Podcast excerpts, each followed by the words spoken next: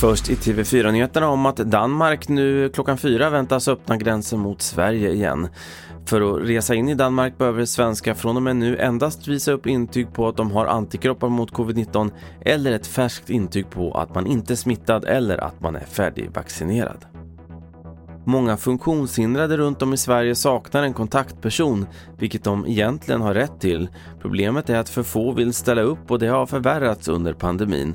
En av de drabbade är Elona Thyselius i Frövi i Lindesbergs kommun. Jag ska snart bli 17 och jag har typ inga kompisar. Och jag kan typ knappt prata med någon. Vad skulle det betyda för dig att få en kontaktperson? Mm, ganska mycket. För då kan jag i alla fall vara med någon och göra saker. Sist om att arkeologer i Sigtuna har hittat vad de tror är en gravplats från slutet av 900-talet, Det rapporterar SVT Nyheter Stockholm. Det arkeologerna är mest fascinerade över är att de runt tusen år gamla skeletten tycks komma från den första generationen kristna. Kvarlevor från åtta människor hittades i gravarna och i en av dem låg även skelett från två spädbarn som tros ha dött vid förlossning. Det var senaste nytt från TV4 Nyheterna. Jag heter Carl-Oskar Alsen.